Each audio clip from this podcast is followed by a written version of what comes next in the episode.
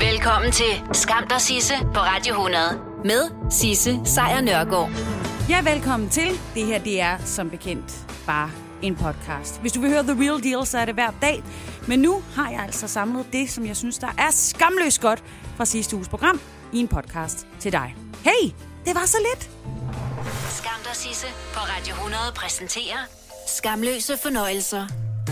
Rigtig, rigtig mange ting er rigtig, rigtig skidt i de her dage. Det er økonomien, det er ensomheden, det er angst, det er usikkerhed, arbejdsmarkedet, det er det hele, og jeg er med der.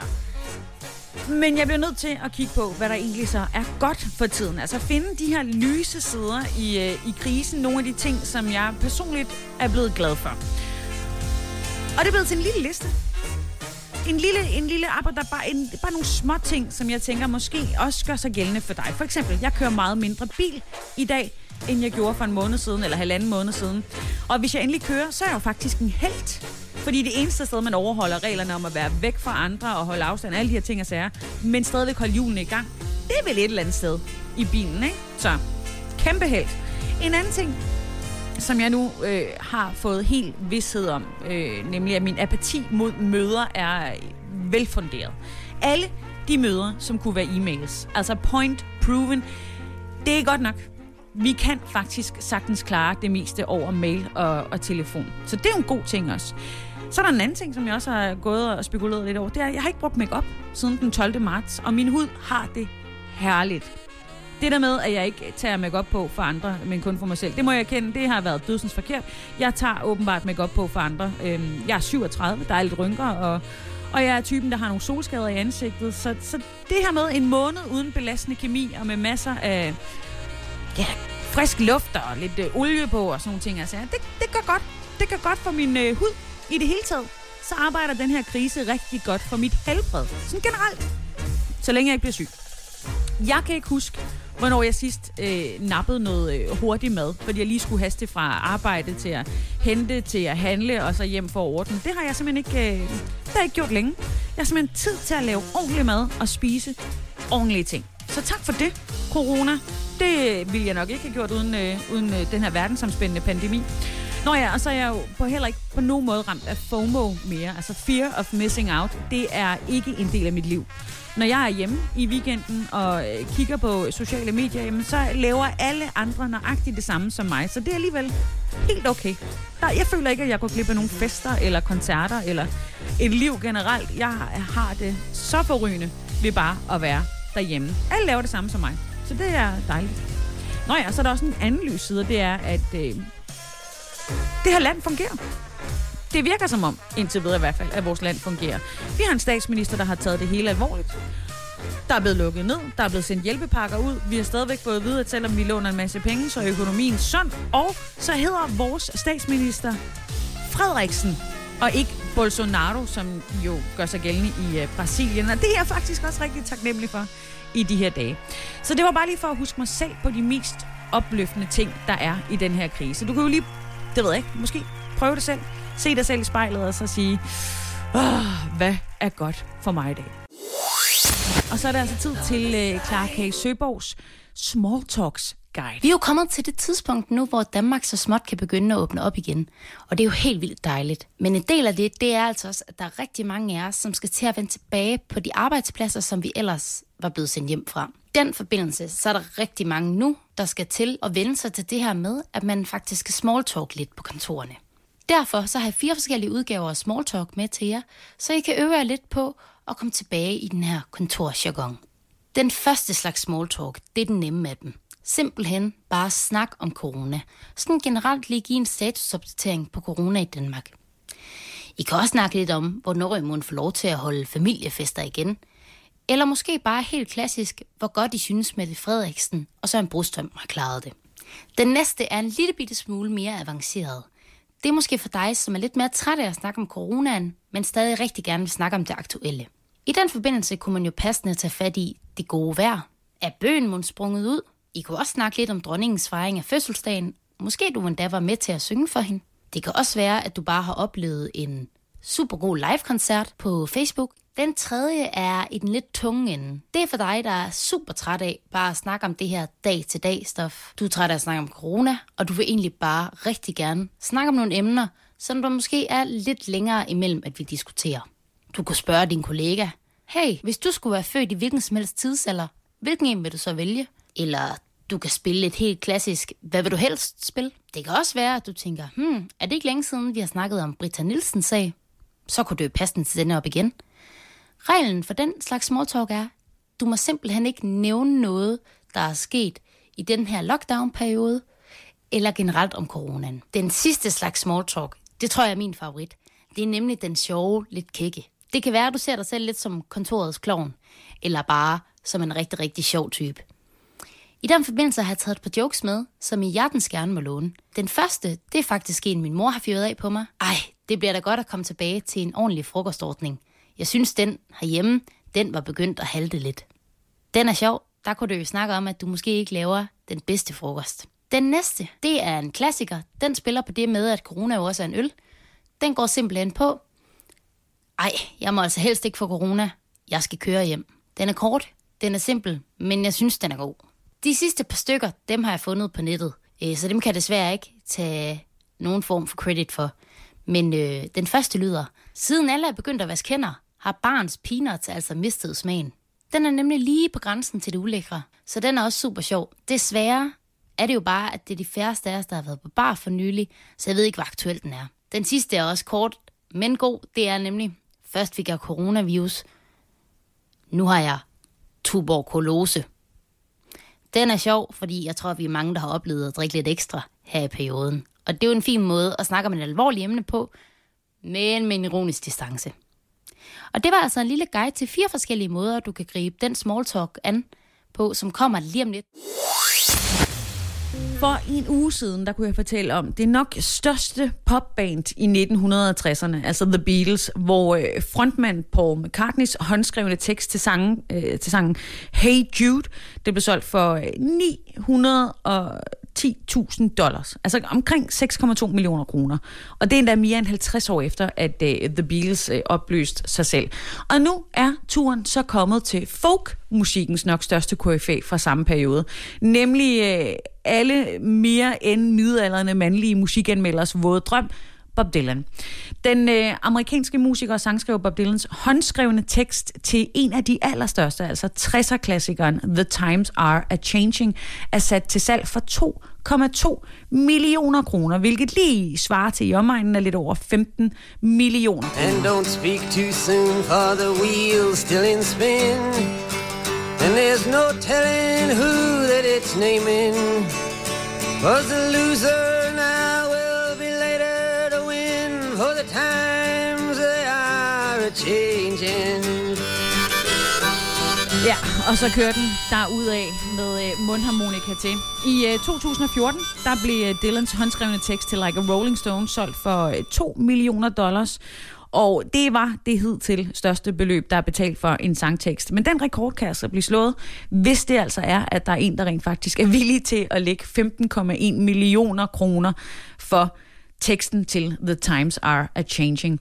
Det var en sang, han skrev tilbage i 1963, og den var med på øh, et album øh, af samme navn, altså The Times Are A Changing, i øh, 1964. Og det er ligesom blevet sangen, en af de mest ikoniske protestsange fra 1960'erne, som jo, øh, om man ved det eller ej, var et af de helt store omvæltnings øh, årtier.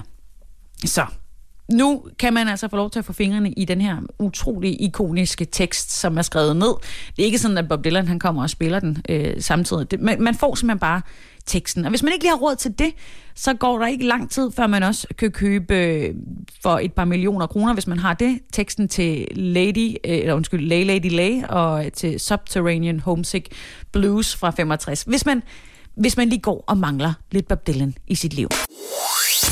I lørdags, der var der en verdensomspændende live-koncert med alle de musikere, som jo skulle have været hovednavne på alle mulige festivaler verden over i år. Det hed One World Together at Home, og det blev sendt blandt andet på TV2, hvor du altså stadigvæk kan se det, hvis du er typen, der har et TV2 Play abonnement.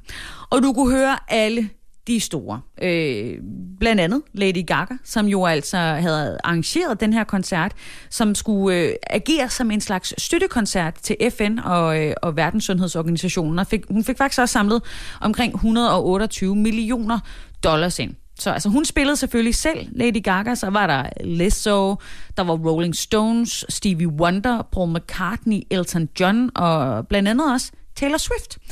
Swift, hun har jo ligesom aflyst alle koncerter i år. Nogle er blevet aflyst for hende, blandt andet øh, den øh, på Roskilde Festival, som jo skulle have været øh, første gang nogensinde, hun spillede i Danmark. Og nej, jeg er ikke bitter. Jeg er bare øh, til stede. Jeg dealer med det. Men hun var altså også med til den her One World-koncert, og hun sang en sang, som hun har sagt tidligere, at hun aldrig nogensinde ville spille live.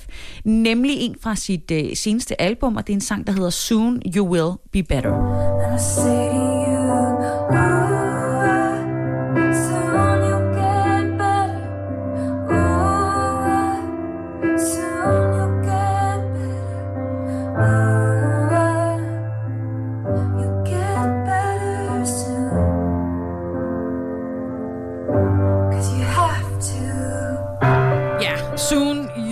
Get Better. Det er sådan, den hedder. Og det er altså en sang fra hendes øh, seneste album, som hun skrev til sin mor, da hun var blevet syg med kræft. Og nu sang hun den altså live for første gang nogensinde til den her lidt særlige koncert, som jo var verdensomspændende, og som du selvfølgelig kan få lov til at lytte til, i så fald, at du har de rigtige links til det. Men altså, hun var jo ikke den eneste, der spillede. De gav den alle sammen fuld smadret. Blandt andet her øh, med Lady Gaga. Breaking, smile even though it's aching. When there are clouds in the sky, you'll get by. lean on me when you're not strong, and I'll be your friend when you pay the rent.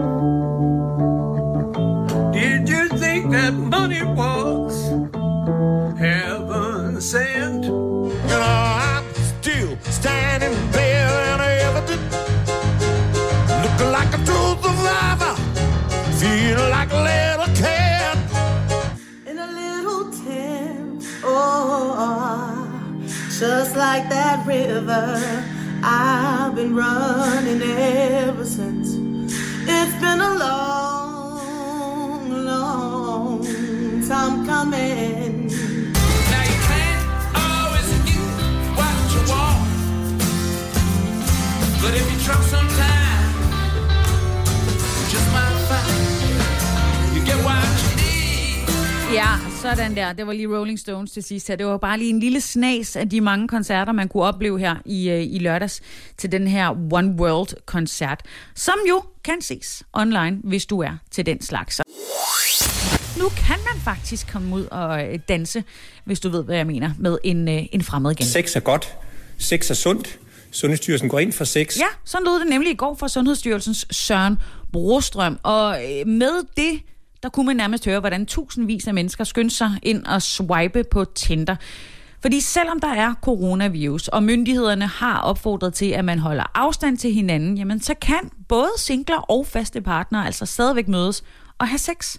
Det siger øh, Kåre Mølbak, som jo er faglig direktør i Statens Serum Institut på et øh, pressemøde, det sagde han i går. Og øh, så var Søren øh, Brostrøm også i øvrigt øh, meget øh, belejlig med lige at følge op på det. Vi er seksuelle væsener, og selvfølgelig skal man også kunne dyrke sex, også som single i en tid med corona. Og selvfølgelig skal man også kunne dyrke sikker sex i en tid med corona. Og det kan man faktisk få oplysning om inde på vores hjemmeside, hvor der længe i vores spørgsmål-svar har været nogle relativt praktiske øh, retningslinjer for, hvordan man kan have sex, også som single. Ja, det er jo dejligt, der er nogle praktiske retningslinjer for, hvordan man kan have sex, også som single under en øh, pandemi. Og det, som Søren Brostrøm han henviser til, det er, at du kan gå ind på Sundhedsstyrelsens hjemmeside og læse mere om det her. Det er stadigvæk ulovligt at mødes mere end 10 personer, både øh, udendørs og indendørs. Så du må lige droppe din øh, svingerklub, øh, hvis du er til den slags lidt endnu. Desuden så har myndighederne opfordret til, at man stadigvæk holder afstand til hinanden, men det er altså ikke ulovligt at date. Coronavirus udskilles i øvrigt via luftvejene, det vil sige øh, det, der hedder direkte dråbespredning, øh, som man smitter med, med nys og, og med host og sådan nogle ting. Ikke via andre kropslige væsker eller sekreter. Ja, alle de her ting, det kan du altså læse mere om inde på Sundhedsstyrelsens hjemmeside. Jeg skal nok ikke begynde at, at forklare så meget her. Kritikken, den havler som bekendt ned over den amerikanske præsident Donald Trump, og det sker efter, at han har opfordret øh, protesterende til at befri stater fra deres egne lockdown-regler. Og det er altså herunder også nogle øh, protesterende demonstranter, som var bevæbnede. Den her opfordring, den strider imod hans egen politik, det siger øh, flere guvernører derude, blandt andet også republikanske. Og i øh, USA, der er der lige nu væbnede demonstranter i flere store byer. Altså de vil simpelthen ikke finde sig i lockdown, og de mener, at kuren for virusen er værre end smitten. En sætning, præsidenten i øvrigt tweetede for en øh, måneds tid siden. Og selv samme præsident er nu også begyndt at opmuntre de her demonstranter. Øh, demonstranter. Han har tweetet befri Michigan, øh, Michigan han har befriet, øh, befri øh, Minnesota, har han skrevet et andet tweet. Han har også skrevet øh, befri Virginia og red jeres fantastiske anden tilføjelse. Den er under belejring. Og det er netop det her, der gør, at kritikken nu vælter ned over Trump, fordi opfordrer han så til vold. Tilskynder præsidenten med de her ordvalg sælger af højre radikale til at tage våben i hånden for ligesom at beskytte landet mod, hvad det, som Donald Trump faktisk siger er et overgreb.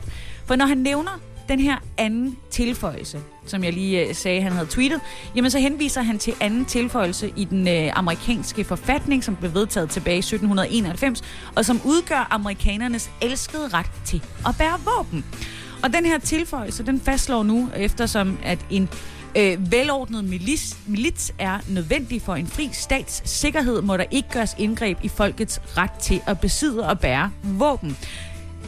Det har fået grupperinger på nettet til straks at begynde at drøfte og spekulere i, hvorvidt præsidenten egentlig er ude for at argumentere for en væbnet konflikt. Altså en begivenhed, som kaldes Boogaloo. I kid you not. Det er det, den kaldes. Fordi i timerne efter, at Trump han havde tweetet, så var der en kraftig stigning af tweets med ordet Boogaloo. Og nogle af de her tweets blev retweetet flere hundrede gange. Et af dem var for eksempel, vi folket, øh, vi folket skal åbne Amerika med civil ulydighed og masser af boogaloo. Hvem er med mig? Det var der i hvert fald en, der skrev ifølge NBC News.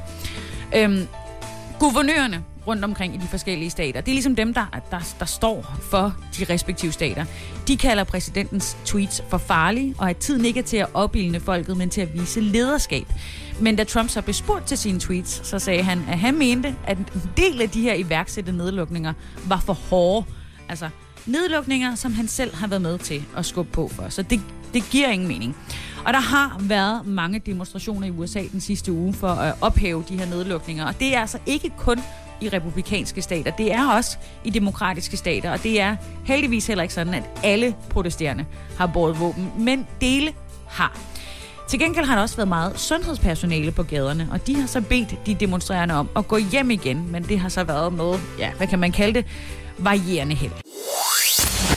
Der er jo rigtig mange forretninger, som lige nu må kæmpe indædt for at holde sig øh, inden for tålige røde tal i regnskabet. Og så er der jo de andre firmaer, store firmaer, som måske har flyvende succes, altså så man kan leve bedre nu end ever under den her krise. Og det er øh, selvfølgelig Netflix. Streamingtjenesten har fået 15,7 millioner nye abonnenter i løbet af det første kvartal. Det øh, skyldes øh, til dels coronakrisen.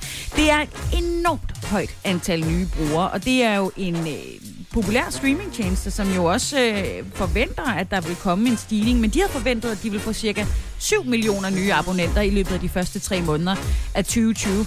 Men den her krise, som der jo har lukket os alle inde, har simpelthen gjort, at mange, mange flere har besluttet sig for, at det skulle være nu, de investerede i Netflix. Og det har altså sendt 15,7 millioner nye abonnenter lige ind i armene hos, øh, hos Netflix. De siger selv, at det er coronakrisen, som har en betydning for, for den her stigning. Og øh, det har altså også noget at gøre med, at der er, der er jo hele den her hjemmekarantæne i, i hele verden, og det har altså accelereret øh, stigning i abonnenter. Det kan også mærkes selvfølgelig i, i selskabet, som nu har øh, flere penge, øh, men også hos deres aktionærer. Fordi samtidig med, at øh, Netflix var ude at offentliggøre deres øh, kvartalsregnskab, jamen så steg aktien i Netflix også øh, i, øh, i USA med 1 procent. Og det er mig i forvejen steget med 34 procent siden nytår, fordi investorerne har længe haft øje for, at de her nedlukninger har været en rigtig, rigtig god idé, når det handlede om streamingtjenester.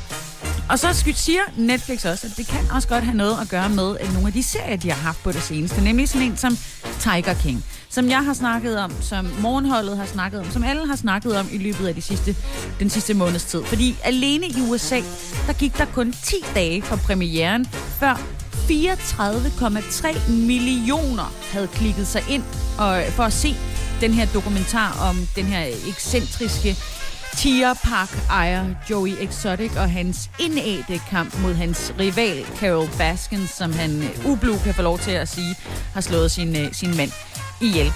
Og selvom den her dokumentarserie, den hitter på øh, streamingtjenesten, så har Netflix faktisk også en helt anden nyhed om en dokumentar, som jo øh, handler lidt om nogen, vi kender herhjemme, nemlig om en dansk morder. Det er en dokumentar, de simpelthen har besluttet sig for at droppe, og hvorfor de øh, har tænkt sig at gøre det, det får jeg altså øh, simpelthen øh, mulighed for at fortælle dig lidt senere i programmet.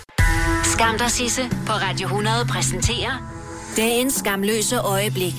Amerikanerne de har sådan en mulighed for at sagsøge hinanden for enhver lille bitte ting. Er kaffen for varm? Sagsøg kæden, du har købt den hos. Er naboen irriterende med sin have? Jamen så sagsøg hende. Og sådan er Amerika bygget på et hav af retssager. Og under den her pandemi, jamen så forsøger de nu igen. Og den her gang, der er det Kina, som skal sagsøges. Det er øh, den amerikanske delstat Missouri, som altså sagsøger den kinesiske regering med afsæt i øh, virusen. Og de hævder altså, at nationens embedsmænd har skylden for pandemien. Det er The Guardian, der har den her historie i dag. I det her sagsanlæg, der er indbragt for en øh, federal domstol af statens øverste advokat, jamen der hævdes det så, at kinesiske embedsmænd er ansvarlige for den enorme død, lidelse og økonomiske tab, de har påført verden, inklusiv borgere i Missouri. Det er statens republikanske statsadvokat Erik Schmidt, som øh, i en øh, skriftlig erklæring er ude at sige, at den kinesiske regering har løjet om farne ved virusen, og altså ikke gjorde nok for at bremse dens spredning. Så han mener altså, at de skal holdes ansvarlige for deres handlinger. Det er uklart for eksperter, og for mig i øvrigt, om øh, den her retssag vil have meget, øh, hvis overhovedet nogen som helst indflydelse. Loven i USA forbyder generelt retssager mod andre lande med nogle få undtagelser. Og så er der mange, der mener, at der er tale om et mediestund fra den republikanske guvernør, som jo også gerne vil vælges igen næste år. Ikke desto mindre, Missouri er selvfølgelig også ramt af virusen, og når man er magtesløs mod en virus uden kur, jamen så griber man efter en eller anden gren, som man ja, på en eller anden måde kan føle sig oprejst. Antallet af dødsfald i Missouri steg med 16 tirsdag her til 215, og antallet af smittetilfælde er steget fra 156, eller med 156 til næsten 6.000 mennesker. Og i USA i det hele taget er der jo mere end 825.000 bekræftede smittetilfælde. 45.000 mennesker er døde med eller af covid-19. Og øh, Donald Trump han har jo også ved flere lejligheder været ude og kritisere Kina for deres håndtering af krisen. Og derudover så har han jo også været ude at sige, at han mener, at Verdenssundhedsorganisationen, altså WHO, har dækket over Kina og hjulpet landet med at lyve om øh, alvoren, og derfor så trak han jo også støtten til FN-organet. Så ja, held og lykke med det setup. Det går ikke sådan fuld fart strålende for Dansk Folkeparti. De er faktisk historisk upopulære. Kun 6,8 procent ville ifølge en analyse, som øh, Voxmeter har foretaget for Altinget, stemme på Dansk Folkeparti, hvis der var valg nu. Og det er altså den laveste måling for partiet i den 19-årige periode, som Analyseinstituttet har foretaget øh, politiske målinger i. Partiet har dermed tabt to ud af tre vælgere siden højdepunktet tilbage i 2015, hvor de altså fik 21,1 procent af stemmerne. Og hvorfor er Dansk Folkeparti så så upopulær? Mm, der er garanteret alle mulige årsager. Men det hjælper jo ikke, hvis man er en af dem, der følger dem online. I går, der måtte øh, Pia Kjærsgaard se sig selv udstillet, da hun lagde et billede op, hvor hun modtog øh, masker, altså til sundhedsvæsenet fra Taiwan. Og det måtte hun altså øh, simpelthen se sig udstillet i, fordi hun i sidste uge delte et tweet om, at det var en populistisk ting at gøre, da sundhedsminister Magnus Heunicke gjorde det samme. Ikke desto mindre, dobbeltmoral er jo aldrig nogensinde dobbelt så godt. Og det var heller ikke heldigt, da Søren Espersen så kastede sig over Mette Frederiksen i, øh, i sidste uge. Statsministeren hun øh, fortalte forleden hos DR, hvordan coronakrisen har betydet, at hun og øh, dronning Margrethe har fået en, en anden fortrolighed. Det samme forklarer hun så også i programmet Alle Tiders Dronning, som blev sendt på TV2 i anledning af, at øh, Margrethe havde 80 års fødselsdag. Og hos begge tv-kanaler, der fortalte Mette Frederiksen altså en lille anekdote om sine normalt fortrolige samtaler med dronningen. Fordi majestaten havde spurgt statsministeren, om hun huskede at passe på sig selv under den her krise. Og der havde statsministeren svaret, at der måske nok først blev tid til at passe på sig selv efter krisen. Og hertil svarede dronning Margrethe ifølge Mette Frederiksen på DR og på TV2, at ja, men nu er det Tante Dronning, der taler, og de skal passe godt på dem selv. Det er jo en hyggelig lille historie.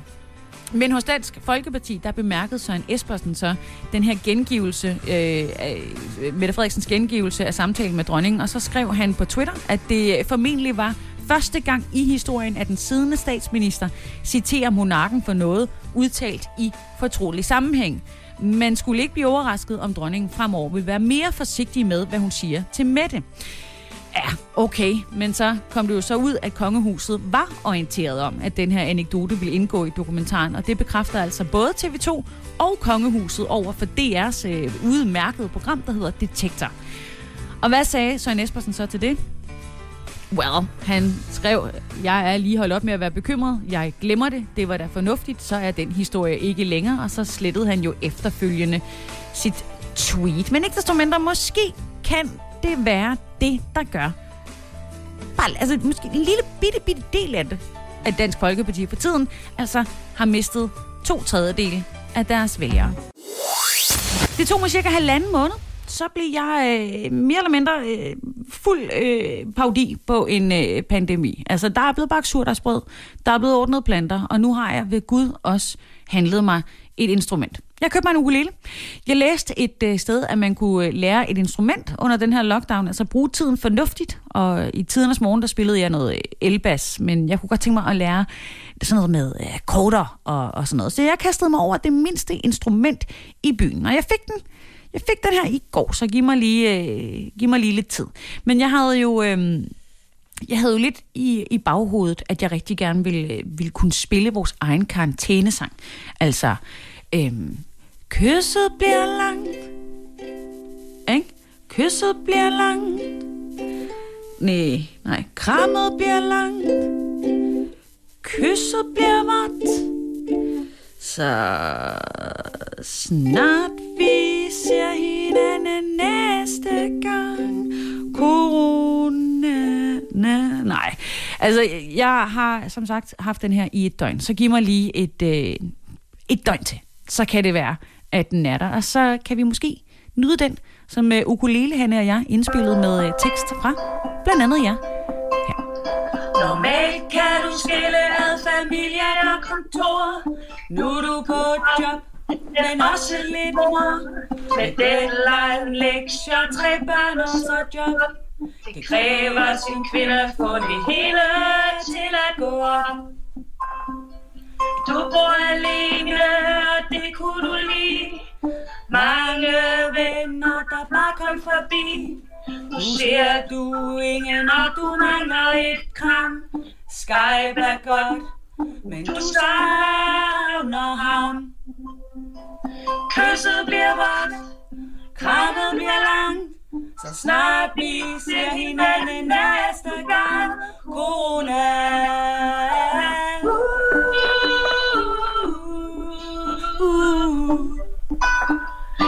Tænk, at det du savner allermest er store som vi nu er flest. Hvem skulle have troet, at det kunne ske? Og vi er endda kun på lockdown dag nummer tre.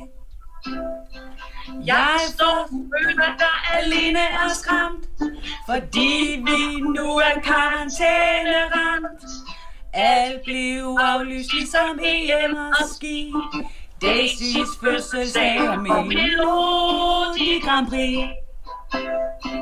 Kysset bliver vart, krammet bliver langt, så snart vi ser hinanden næste gang. corona.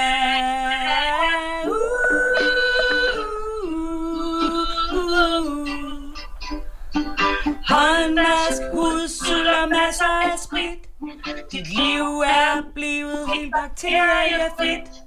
Det hele kan jo virke ganske ekstremt. Til gengæld er fars helt legitimt. Kysset bliver vådt, krammet bliver langt. Så snart vi ser hinanden næste gang. Corona.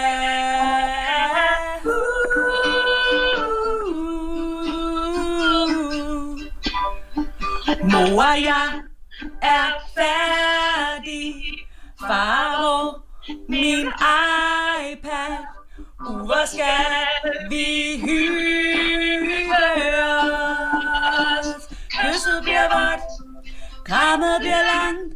Så snart vi ser hinanden næste gang. Corona. Uh. Ja, det, øh, det lød sådan. Og det gjorde det jo, fordi at det var ukulele Hanne, der spillede ukulele, og ikke, øh, ikke mig. Men altså, den er der. Altså, vi snakker, vi snakker om timer. Så det kan være, at jeg bare skal give den et, et skud igen nu. Ikke også? Ja. I Bauhaus får du nye tilbud hver uge. Så uanset om du skal renovere, reparere eller friske boligen op, har vi altid et godt tilbud. Og husk, vi matcher laveste pris hos konkurrerende byggemarkeder. Også discount byggemarkeder. Bauhaus. Altid meget mere at komme efter. Er du på udkig efter en ladeløsning til din elbil. Hos OK kan du lege en ladeboks fra kun 2.995 i oprettelse, inklusiv levering, montering og support.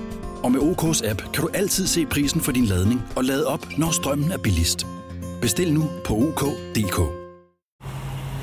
3, 4, 5. Der var den. 5 liter benzin per hver nok. Så kan jeg lige komme hjem. Er du også træt af dyre benzinpriser, så skift fagforening og A-kasse til Det Faglige Hus, så sparer du nemt op til 6.000 kroner om året. Tjek detfagligehus.dk Du vil bygge i Amerika? Ja, selvfølgelig vil jeg det. Reglerne gælder for alle. Også for en dansk pige, som er blevet glad for en tysk officer. Udbrændt til kunstner. Det er jo sådan, at de har tørt, han ser på mig. Jeg har altid set frem til min sommer. Gense alle dem, jeg kender. Badehotellet den sidste sæson. Stream nu på TV2 Play. Det kunne godt være, at du havde øh, store planer om at hive øh, grillen ud her i, øh, i weekenden, men jeg ved ikke, om du har bemærket det. Har du have, så har du helt sikkert bemærket det. Men bor du i lejlighed, så kan det godt være, at du ikke lige har fået den med. Men der er næsten ikke faldet regn i en måned nu, og det begynder at kunne mærkes i min bede, og det kan mærkes i naturen. Det er blevet knæstørt, og det øger altså faren for brænde. Ja, og så kan det godt være, at du tænker, jamen Sisse, det regnede jo fra september til marts. Altså, det må jo være vådt et eller andet sted. Og ja, det gjorde det. Men det har altså ikke taget mere end omkring en måned før, der er simpelthen uh, decideret tørke flere steder i landet. Og det har allerede nu ført til naturbranden i Jylland og i Nordsjælland, og så har der altså været mindre brænde rundt omkring i landet.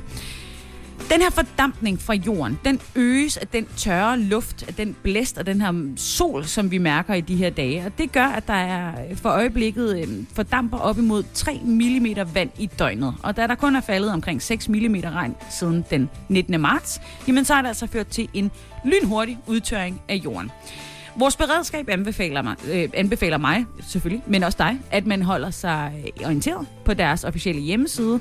Det er den, der hedder brandfar.dk, og der kan man altså følge med i, hvor brandfarlig naturen er, der hvor man er. Og det er selvfølgelig også en god idé at tænke sig om, inden man lige øh, tænder op i et bål udenfor. Altså enten det er et bål, eller en grill, eller muligvis en ukrudtsbrænder, man har lyst til at bruge.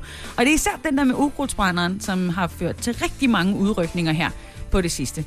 Generelt så skal man også holde afstand, og det betyder også i den her forbindelse, at man skal tænde sin ild i god afstand af noget, der kan brændes. Og så skal man i øvrigt også være der til at føre tilsyn med den her ild. Ligesom det der med at lige at skåde en cigaret faktisk også udgør en risiko. Der er rigtig mange steder, hvor der er anlagt både bål og grillpladser, som der kan bruges. Og så længe, at der ikke er afbrændingsforbud, så må man altså stadigvæk gerne gøre det, så længe man lige tjekker på brandfar.dk. Altså både slukke sin cigaret, men også have sine bål derude. Vi skal lave noget snobrød. Det er sådan, det skal være. Øh, ungerne er stadigvæk rigtig meget hjemme, så klart. Men ilden, den kan godt putte sig, og så først dukke op, når man er overbevist om, at den er slukket. Så der skal altså holdes ekstra godt øje. Således opmuntret kan du jo smutte ud nu og lige nyde de 20 grader, der muligvis er i dit kvarter. Skam dig, Sisse, på Radio 100 præsenterer Skamløse fornøjelser. I går der fik vi jo alle sammen nyheden om, at Netflix bader i kunder for tiden. Krisen har ført os alle sammen hjem, hjem foran øh, skærmen, og derfor så har streamingtjenesten altså set en eksplosion af kunder. Men lige så dejligt det er for dem, lige så stakket en frist er det åbenbart også. Det mener i hvert fald øh, nogle eksperter. Fordi selvom øh, coronaen altså har medført den her enorme kundevækst øh, til Netflix, jamen så kan det faktisk også være det, der kommer til at være skidt nyt for lige præcis streamingbranchen, altså coronavirusen. Fordi der kommer til at være en skærpet konkurrence fremover, men det kommer også til at være mangel på det, som vi alle sammen stemles om, nemlig nyt indhold. Coronaudbruddet har sat film, serier og dokumentaroptagelser på pause, og derfor så skal man som ja, Netflix-kunde, men som en hvilken som helst anden streaming-kunde, også forberede sig på, at der i fremtiden kommer til at være meget mindre nyt indhold, end man er vant til. Nina Movin, hun er administrerende direktør i det, der hedder Otto Mønsteds Fond. Det er en fond, som i overviser investeret i sådan nogle øh, teknologiaktier. Hun, øh, hun mener, altså ifølge hende, så er alle de her optagelser stoppet, og selvom Netflix kan købe nye programmer, jamen så kommer der til at være et kæmpe hul på et tidspunkt. Det bliver ikke øh, nu, det bliver ikke inden for de næste par måneder, for der er optaget alt, der skal bruges til 2020, og faktisk også en del ind i 2021. Men derefter, der bliver der lukket ned. Og selvom at Netflix abonnementstal indtil videre kun har nyt godt af den her krise, jamen så kan den her krise altså på længere sigt også komme til at betyde, at folk de kommer til at smutte fra streamingtjenesten igen. Ifølge Kjell Reinicke, som er medieanalytiker, blandt andet, så er øh, Netflix rigtig god til at prøve ting af. Og nogle af de programmer, som klarer sig rigtig godt for tiden, det er de her nye reality shows, som de er begyndt at lancere, og øh, dokumentarserier som Tiger King. Men spørgsmålet er så bare, om lige så mange vil betale for et abonnement, når der så ikke kommer det her indhold hele tiden. Og derudover så er der også, ifølge Kjell Reinicke, hele fire nye streamingtjenester på vej til Danmark. Altså, fire flere tjenester, som vi nu kan få lov at sidde og rode i. Og det er jo øh, blandt andet Disney+, Plus, som jo kommer til at gøre, at vi aldrig nogensinde får lov til at røre vores øh, respektive skærme igen, når ungerne har overtaget. Men indtil videre, så er det altså stadigvæk Netflix, der sidder tungest på toppen af dansk streaming. Sidste år, der brugte knap 40 procent af alle danskere tjenesten mindst én gang om ugen, og så er der jo selvfølgelig alle os andre, der bruger den hver evig eneste dag. Og vi er jo rigtig meget derhjemme for tiden. Og måske har du også, selvom du har været hjemme, haft mulighed for at holde møder online, eller været med til måske en online fredagsbar. Det er i hvert fald en stor ting her i vores hus. Så er der nemlig ret god odds for, at øh, du har været i gang med at benytte dig af det, der hedder Zoom. Altså et videokonferenceprogram. Det er et program, som øh, gør, at man kan holde møder med video med en masse mennesker på samme tid. Og det er altså på rekordtid blevet en af de allermest populære måder at mødes på med afstand. Men der har også været rigtig skarp kritik af en række sikkerhedshuller i, øh, i Zoom. Og det kommer der så til at blive lavet om på fremover. Zoom ansatte for nylig Facebooks tidligere sikkerhedschef, en fyr, der hedder Alex Stamos. Og det betyder, at de nu er i gang med at styrke krypteringen, så det altså ikke bliver muligt for udeforstående at uh, kunne lytte med til de her møder, eller fredagsbar, eller hvad man nu laver. Og de kan heller ikke se med, når der kommer til at blive afholdt flere videomøder igennem den her app. Øhm, sikkerhedseksperter har faktisk længe været efter Zoom, fordi den kryptering, de har brugt indtil nu, som, øh, som findes i programmet, den er for let at bryde. Ligesom øh, den øh, generelle opsætning har gjort det muligt for udforstående at, at simpelthen at hoppe ind i de her møder og forstyrre dem med for eksempel at vise noget, øh, noget lækker porno midt i et, øh, et redaktionsmøde, eller komme med nogle ekstreme politiske budskaber hen over en gennemgang af regnskabet en eftermiddag med ens firma. Og det er blevet et problem.